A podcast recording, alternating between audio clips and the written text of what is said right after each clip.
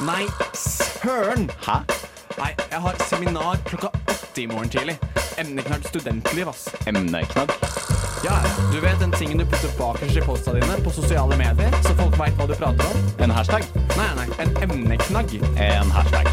En emneknagg, det er det det heter på norsk, skjønner du. Emneknaggen? Emneknaggen Studentenes diskusjonsforum? på Radio nå. Hjertelig velkommen skal du være til ukens Emneknaggen. Mitt, eh, mitt navn er Ingar Jakob Feiring.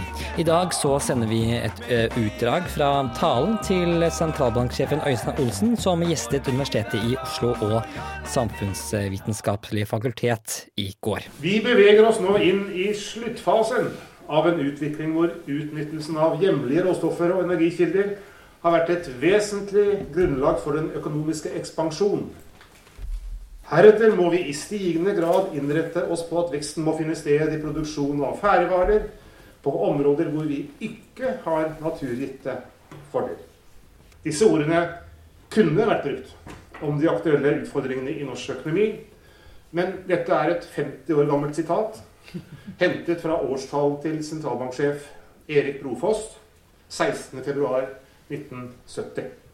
I oktober i fjor så ble 50-årsjubileet for det første oljefunnet på Ekofisk markert. Passende nok rundet Statens pensjonsfond utland, oljefondet, 10 000 milliarder kroner samme dag. I foredraget til Brofoss, årstallen, om den økonomiske situasjonen er det ikke noe spor av det som skulle bli den viktigste inntektskilden for Norge i det neste halve århundret. I ettertid kan vi altså konstatere at det som ble hans siste årstale, kanskje ikke var den mest fremsynte. På den tiden var det riktignok fortsatt høyst usikkert hvor mye olje og gass som faktisk skjulte seg under havbunnen 320 km sørvest for Stavanger. Dernest var verdien av denne naturgitte ressursen langt lavere enn i dag. 50 år senere kan vi se tilbake på en klassereise trolig ingen annen generasjon kommer til å oppleve. Ved inngangen til oljealderen var BNP per innbygger i Norge lavt sammenlignet med mange andre land. Gjennom de neste tiårene løftet økende produksjon av olje og gass det norske inntektsnivået. Og da produksjonen nådde toppen tidlig på 2000-tallet, så drev økende priser inntektene våre videre oppover. Selv når vi ser bort fra olje og gass, økte verdiskapingen i Norge langt raskere enn i landene rundt oss. En viktig forklaring er fremveksten av leverandørnæringen. Teknologien som ble utviklet i jakten etter olje og gass på norsk sokkel, ble i seg selv en av våre viktigste eksportartikler. Den norske oljehistorien har mange vinnere. Norske lønnstakere har over tid opplevd en bedring i kjøpekraften som kollegaer i andre land bare har kunnet drømme om. Den høye oljeprisen i dette århundret har imidlertid gitt størst utslag i statsfinansene.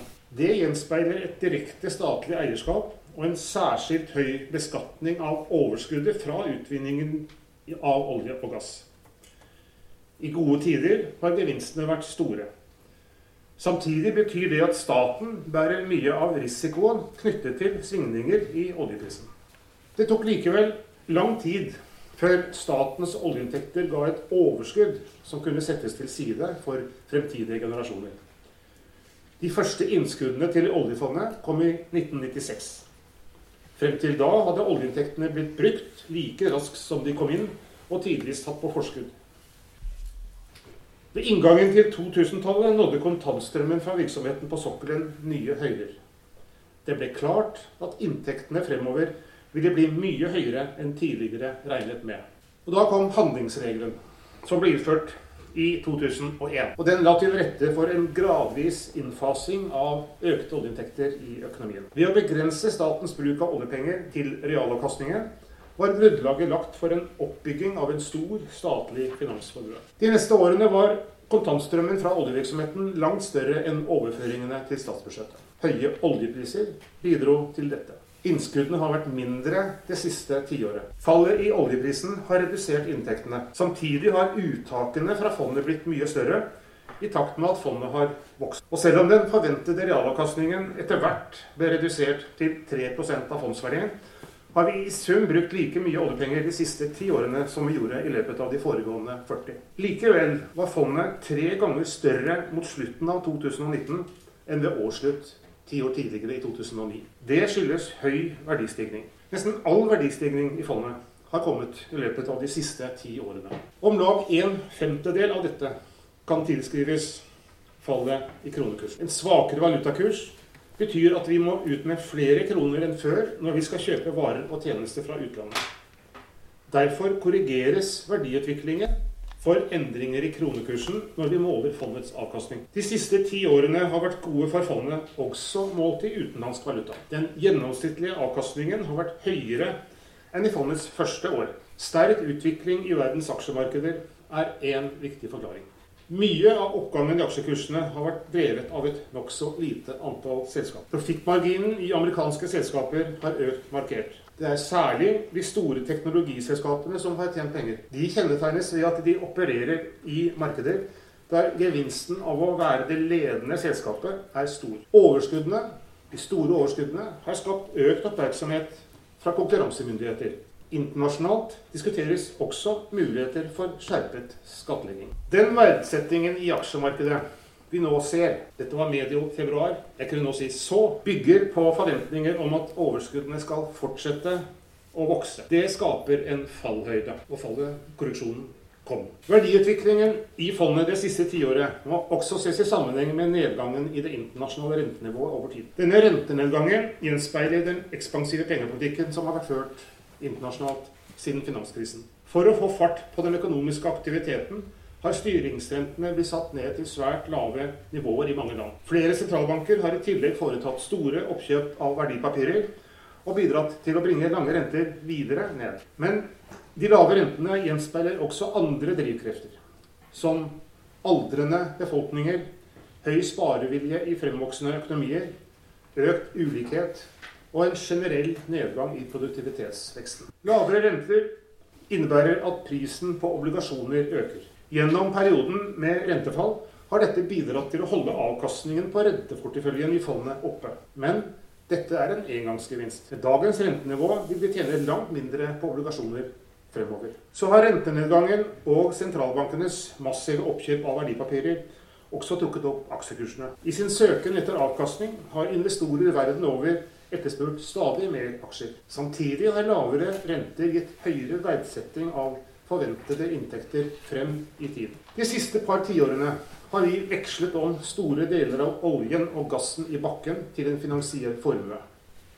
Kursoppgangen på verdipapirer og fallet i kronekursen har bidratt til at fondet har blitt mye større enn ventet. Fondet er nå om lag dobbelt så stort som nåverdien av statens gjenværende oljeinntekter. Denne omvekslingen har gjort statens inntekter mindre sårbare for svingninger i oljeprisen. Til gjengjeld har vi blitt mer utsatt for svingninger i verdens finansmarkeder. Fondet er bredt plassert gjennom mange enkeltinvesteringer over hele verden. Det legger til rette for at vi får ta del i oppturene uansett hvor de kommer.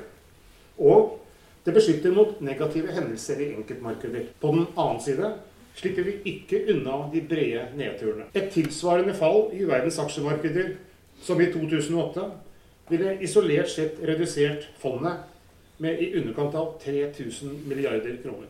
Som en liten, åpen økonomi har Norge alltid vært svært avhengig av den økonomiske utviklingen internasjonalt. Den store utenlandsformuen vi har bygget opp, knytter oss enda tettere til verdensøkonomien. Da er det uheldig at en regelbasert orden som har preget verdenshandelen siden 1945, er på vikende front. Et multilateralt samarbeid blir i økende grad erstattet med bilaterale og regionale avtaler. Det bidrar til usikkerhet om utsiktene for internasjonal økonomi. Verdien av de store naturressursene vi fant de første sporene av for 50 år siden, har i stor grad tilfalt fellesskapet. Ettersom vi var svært avhengige av utenlandsk kapital og kompetanse i de første årene med oljevirksomhet, så var det ingen selvfølge at det skulle gå slik. Men de tidlige beslutningene om et betydelig statlig eierskap, høy beskatning av overskuddet fra utvinningen og krav om kompetanseoverføring samsvarte på mange måter med norske tradisjoner. Røttene kan spores tilbake til konsesjonspolitikken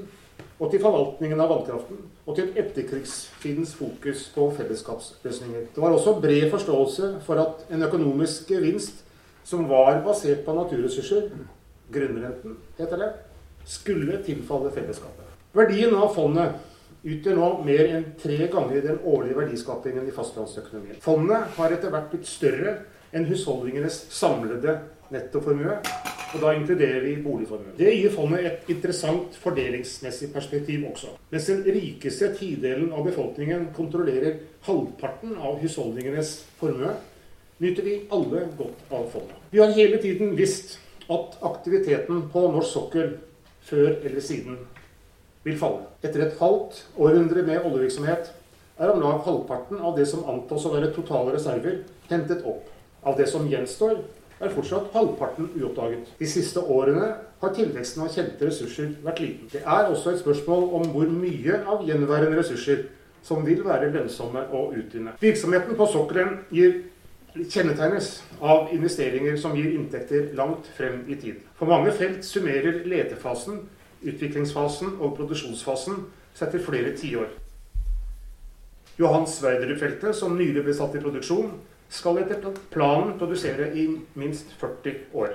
Lønnsomheten fremover er usikker. Anslag på fremtidige prisbaner for olje og gass har alltid ligget til grunn for beslutninger om leting og nye feltutbygginger. Og usikkerhet knyttet til fremtidig lønnsomhet har som sagt alltid, hele tiden, vært en sentral faktor. I dag så bidrar de globale klimautfordringene til denne usikkerheten. Hvis verden skal nå målene i Parisavtalen, må utslippene av karbon ned. Forbruket av fossile brensler, herunder olje og gass, må i så fall reduseres. Men samtidig så vil verden fortsatt ha behov for energi. Hvor mye og hvor stor andel av dette energibehovet som vil måtte dekkes av olje og gass, er usikkert. Det avhenger bl.a. av klimapolitikken og av den teknologiske utviklingen. På den teknologiske fronten gjenstår det mye. Det er fortsatt langt frem før karbonfangst er lønnsomt i stor stil. Utbygging av alternative energikilder går ikke raskt nok, selv om de blir stadig mer kostnadseffektive. Samtidig låser langsiktige investeringer inn fremtidige utslipp. Det må på plass en strammere klimapolitikk med utvidet prising av utslipp av karbon for å gjøre det mer lønnsomt å ta i bruk nye løsninger. I EU ser vi tegn til en mer ambisiøs klimapolitikk. Kvoteprisen har økt, og det satses stort på investeringer i alternativ energi. Så har også EU-kommisjonen lansert nylig en plan om å innføre importavgifter basert på klimaavtrykk. Men samtidig som klimapolitikken styrkes i flere land, er det internasjonale bildet også preget av motstand mot å ta i bruk effektive tiltak. En strammere klimapolitikk reiser også, som vi også har hørt før i dag, vanskelige spørsmål om byrdefordelingen. Ikke minst mellom modne industriland og fremvoksende økonomier. Så langt har det vært vanskelig å få til tilstrekkelig store kutt av klimagasser globalt. I stedet ser vi at utslippene har økt. Fortsatt er utslippene fra industriland store. Men de siste årene har så godt som all vekst kommet fra fremvoksende økonomier. Siden 1990 er utslippene tredoblet i Asia, mens de er redusert med 30% i Europa. Samtidig er både energiforbruket og levestandarden lav i mange utviklingsland. Utslippene derfra er knapt synlige i figuren. Lykkes disse landene i å heve levestandarden, vil energiforbruket øke. Det er vanskelig å se for seg at det kan skje uten nye utslipp av klimagasser. Så klimaproblemet, det globale problemet, handler derfor i stor grad om hvordan fattige land kan oppnå en god økonomisk utvikling uten at utslippene av klimagasser fortsetter å øke. Med den utslippsveksten verden har sett så langt, så må vi forberede oss på å tilpasse oss et varmere klima. Samtidig kommer alvorlige konsekvenser av klimaendringene stadig klarere til syne. Og som vi også har hørt før i dag, så kan det gi brå skift i politikken. Utsiktene for fremtidig oljetilspørsel gjenspeiler den store usikkerheten i klima- og energibildet. Det er økt oppmerksomhet rundt denne risikoen i næringsliv, banker og blant investorer.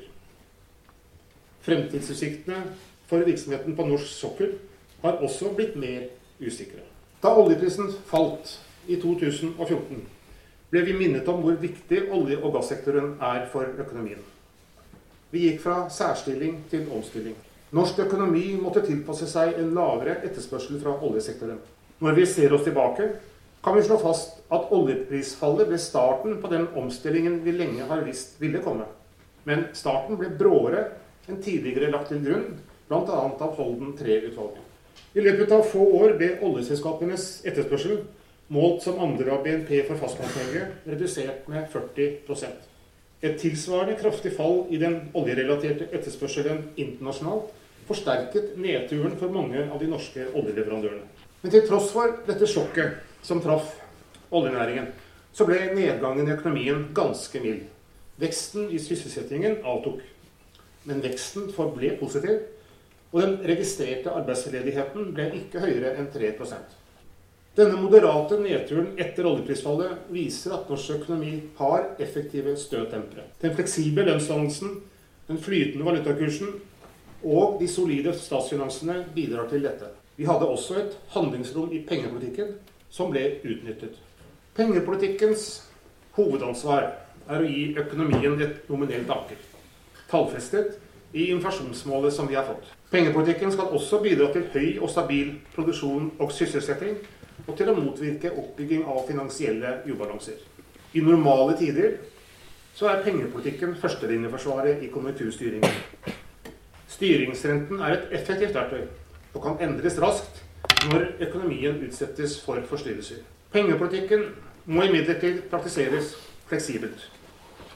Vår erfaring etter snart 20 år med inflasjonsstyring tyder på at en liten, åpen økonomi må påregne at inflasjonen tidvis avviker en god del fra målet. Men samtidig har inflasjonen ligget i et område hvor det er få holdepunkter for å hevde at avvik fra inflasjonsmålet har gitt vesentlige, eller innebærer vesentlige samfunnsøkonomiske kostnader. Og nettopp det har gitt rom for å legge vekt på andre hensyn i rentesettingen. Gjennom den siste nedturen falt kronekursen i takt med oljeprisen. Det ga utsikter til høyere prisvekst. Vi kunne da trekke veksler på den tilliten som er bygget opp, både til pengepolitikken og til lønnsdannelsen.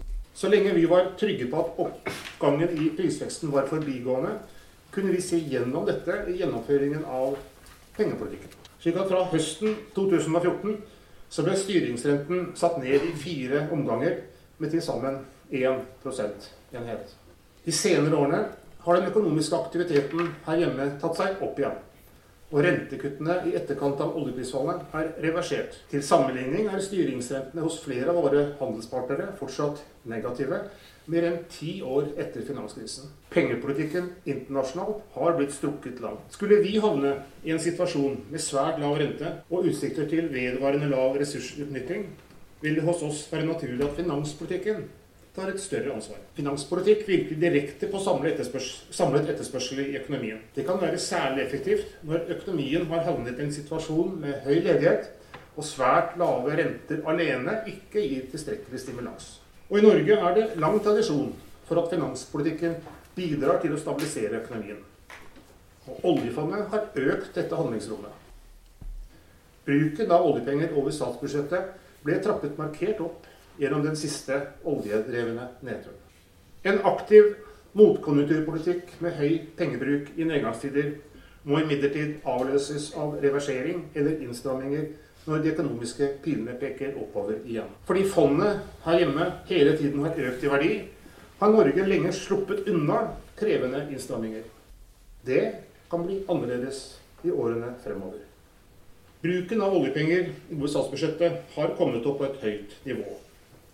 Som nevnt må vi være forberedt på at utviklingen i internasjonale finansmarkeder kan bli svakere enn det vi har sett de siste årene. Vi må ta høyde for at aksjemarkedene kan korrigere nedover. Det vil redusere verdien av fondet. Og I tillegg står Norge, i likhet med veldig mange andre land, overfor demokrat, ikke demokratiske, men demografiske utfordringer som vil legge press på statsfinansene Staten har også et ansvar for balansen mellom offentlig og privat sektor.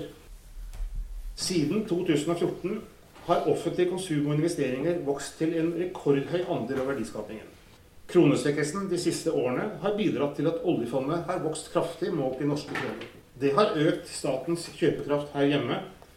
Men som nasjon blir vi ikke rikere av at valutaen vår faller i verdi. I årene fremover trenger vi en større konkurranseutsatt sektor utenom oljevirksomheten.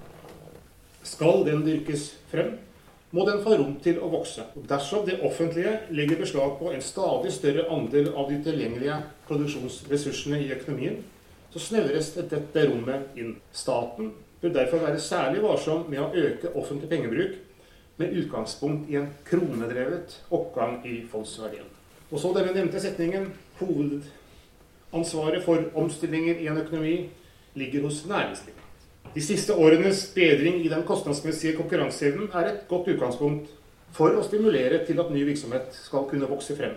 I kombinasjon med moderate lønnsoppgjør har kronestekkelsen gjort det billigere for utlendinger å kjøpe varer og tjenester fra Norge. Samtidig har høyere importpriser gitt innenlandske kunder grunn til å vri etterspørselen mot norske bedrifter. Med et inflasjonsmål og en flytende valutakurs har tilpasningen i kostnadsnivået kunnet skje raskere enn den ellers ville ha gjort. Men til tross for at lønnskostnadene i felles valuta er redusert med mer enn 15% siden 2014, har utviklingen i det konkurranseutsatte næringslivet i sum vært nokså svak. Det gjenspeiles i utenrikshandelen. Handelsunderskuddet utenom olje og gass har økt videre. De store fordringene vi har bygget opp på utlandet, gjør at vi, vi kan leve med et handelsunderskudd når inntektene fra olje og gass før eller siden avtar. Utviklingen i det siste innebærer likevel at vi har blitt mer avhengige av avkastningen på formuen for å finansiere morgendagens import. Og det kan være et tankekors at handelsunderskuddet har økt såpass mye i en periode hvor både etterspørselen fra norsk sokkel har falt, og kronekursen er svekket. Norske bedrifter har i mange år hatt råd til å betale klart høyere lønninger enn i våre naboland. Kanskje har den gode lønnsevnen vært basert på oljevirksomheten i større grad enn tidligere regnet med. Fremover vil nøkkelen til å lykkes for Norge være den samme som for andre land. Vi må utnytte vår klart viktigste ressurs, arbeidskraften, på en best mulig måte. Verdien av vår humankapital utgjør om lag tre ganger så mye som summen av naturressursene, produksjonskapitalen og finanskapitalen til sammen. Vårt fremtidige velferdsnivå avhenger derfor av hvor mange som er i jobb, og av hvor produktive vi er. Sysselsettingen i Norge er god, men den er ikke så høy som tidligere. I dag er en mindre andel av befolkningen mellom 25 og 54 år sysselsatt enn for 20 år siden. Vi er blitt forbigått av flere land, ikke minst fordi sysselsettingen blant kvinner har økt også ute. Samtidig har andelen voksne menn som er i arbeid her hjemme, falt. Blant de som blir stående utenfor arbeidslivet, er det noen fellestrekk. Ett er svak formell kompetanse.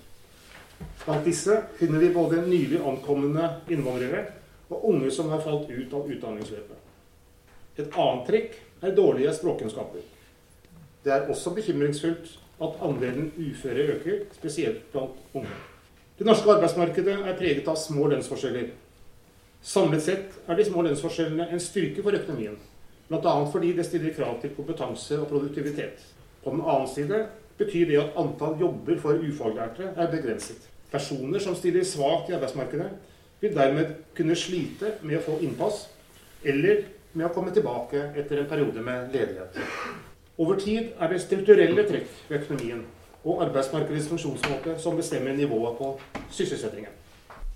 Den økonomiske politikken har en viktig rolle, spesielt gjennom utformingen av utdanningssystemet og skatte- og velferdspolitikken. For de som står i fare for å falle utenfor, kan det være nødvendig med målrettede tiltak. Pengepolitikkens rolle i så måte Pengepolitikken kan være en støtdemper for sysselsettingen. Er en støtdemper for sysselsettingen. I perioder hvor etterspørselen etter arbeidskraft faller, vil en mer ekspansiv pengepolitikk dempe nedgangen. Unngår vi de dypeste nedturene, kan det bidra til at færre faller ut av arbeidsstyrken. Men pengepolitikk kan ikke ha et hovedansvar for nivået på sysselsettingen. Holder vi renten vedvarende lav med sikte på å aktiviteten og sysselsettingen mer varig, kan det oppstå press på priser og lønninger. Boligpriser og kreditt vil kunne skyte fart. Da kan det oppstå ubalanser som øker risikoen for tilbakeslag og tap av arbeidsplasser lenger frem i tid. I sitatet fra 1970 varslet Erik Brofoss en utvikling bort fra en råvarebasert økonomi. 50 år senere så er omstillingen i gang.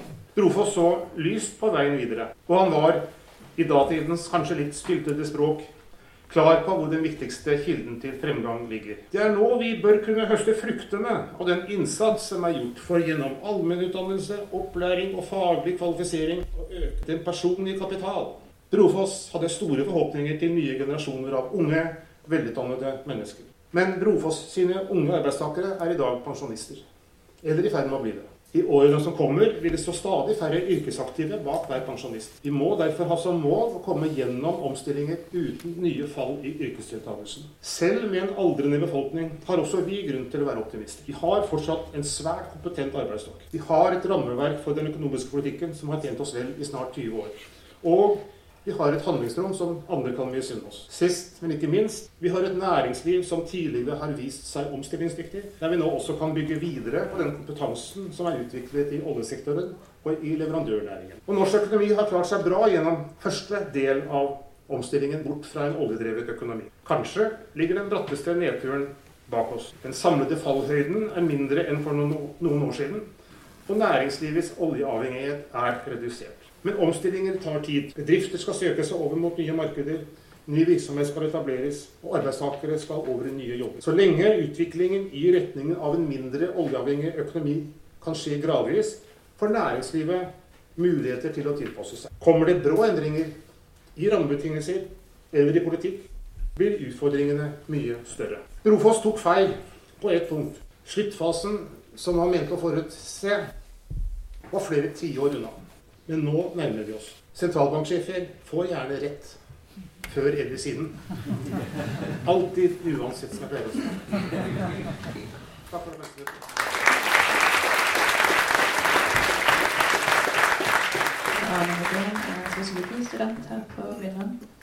Eh, jeg lurer litt på eh, Jeg lurer på om dere har en policy eller en plan for hva som skjer i nedgangstider med de som har minst å rutte med? Det, det, høres sånn, det, det høres sånn kynisk ut å si at det, nei, vi, vi, tenker ikke på dem. og, og, det er ikke sant heller. Eh, vi, er, vi, er, samfunnsøkonomer, og vi er en institusjon som har et samfunnsansvar. Og vi, vi, har oppmerksomhet rundt fordelingsproblemer også. Og det kan, kan, i likhet med klima og andre komplekse fenomener som påvirker utviklingen i økonomi, så kan også fordelingsspørsmål påvirke det ansvaret vi har som sentralbank. Men, men, men, så, men så, vil, så, må det spørsmålet først og fremst reises til, eh, rettes til myndighetene, som, som har fordelingsproblematikk som sitt eh, ansvar. Det lille elementet jeg bidro med her, var å peke på at eh, oljefondet, eh, som, som, brukes Det aller meste av oljeinntektene brukes i offentlige budsjetter og, og, og offentlige utgifter, har i stort en veldig klar fordelingsprofil gjennom, gjennom eh, samme adgang til skole og utdanningssystem og helsetjenester i all hovedsak. Men uh, ulikhet Jeg er også innom det så vidt i en par bisettinger. Ulikhet er et voksende problem, særlig internasjonalt. Men, men ikke helt fremmed i, i, Norge heller. Det er noen dilemmaer der som, som, som, kommer til syne også i vårt eget land, i litt mindre omfang enn andre steder. Bedre studenter. Eh, studenter. Studenter. Ordet student. Studenter. Trygge studenter lærer mer. Studentsamskipnad. Er for studenter. Studentbolig. For studentpub. Studentsaker. Studentnyhetene. Hver fredag fra 11 til 12 på Radio Nova. Du har altså hørt et eh, utdrag fra talen til sentralbanksjefen Øystein Olsen, som gjestet Det samfunnsvitenskapelige fakultet ved Universitetet i Oslo i går. Det var alt vi rakk eh, i emnedagen i dag. Eh, mitt navn har vært Ingar Jakob Feiring. På fredag får du høre mer fra studentene som var til stede under talen, og vinnerne av Norges Bank Case-NM. Mer om dette altså på fredag i Studentnyhetene fra 11 til 12. Husk også at du kan lytte til flere sendinger fra oss i Emnedagen og Studentnyhetene, der du finner podkast. Endelig besøk! Vet du hvor mange ganger student står i deres Oslo-program? Det har jeg nok eh, ikke talt opp, eh, men jeg antar at dere har. Vi er nyhetsprogrammet av og med studenter. God studentpolitikk er god eh, fremtidspolitikk. Har du vært på radio før, eller? Har dere Senterpartiet glemt studentene når dere skrev deres valgprogram for Oslo? Altså, mulig. Vi er på radioen din. Og på podkast. Aldri lenger unna. Spør om Peter. Hei, hei. Jeg vil bare informere deg om at du hører på Studentnyhetene. Det er jo tydelig at noen har lagt merke til hva jeg har holdt på med, og at eh, hvis det har gjort en bitte liten forskjell et eller annet sted, så er jeg veldig glad. Det viktigste for meg. Hver fredag fra 11 til 12 på Radio Nova. Hør på oss. Jeg hadde ikke gjort det.